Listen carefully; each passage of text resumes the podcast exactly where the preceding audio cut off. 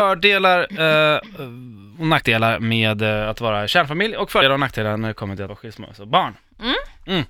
Eh, vill du börja säga något positivt om skilsmässobarn? Eh, ja, alltså, Nu- nu- nu baserar vi på från att- din situation. Ja, nu utgår vi från att Ja. det faktiskt är att par, eh, föräldrarna går till isär och det är inte drama så mer än att de faktiskt har gått isär. Ja, precis. Ja.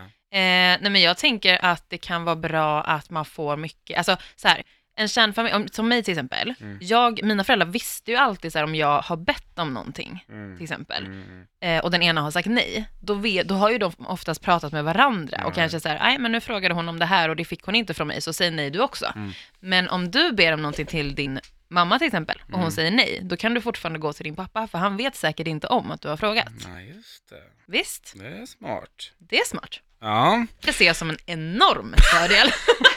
enorm, Ja. typ den största fördelen. ja okej. Ja. Ja.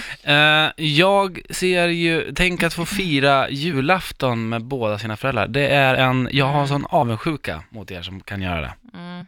ja, men det kan jag förstå. Det kan Ja. jag förstå. Ja, du Mm. hade lite grejer här angående skilsmässobarn. Ja, eh, alltså det här är lite mer saker som jag tänker kanske många, alltså allmänt, får Mm. vara med om. Mm.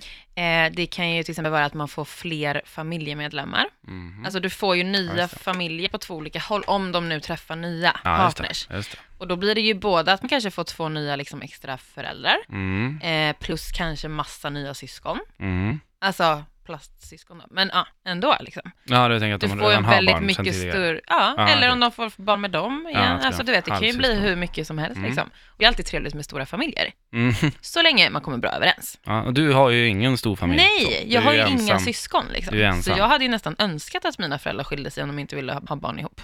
Så att de kunde skaffa nya på varsitt håll. Ja, ja jag fattar. Jag fattar, ska inte säga så, men det är faktiskt lite så här, när man tänker tillbaka, liksom, när folk så här, hela tiden pratar om så här, min syster, min brorsa, bla bla, de har gjort det här och det här. Liksom. Mm.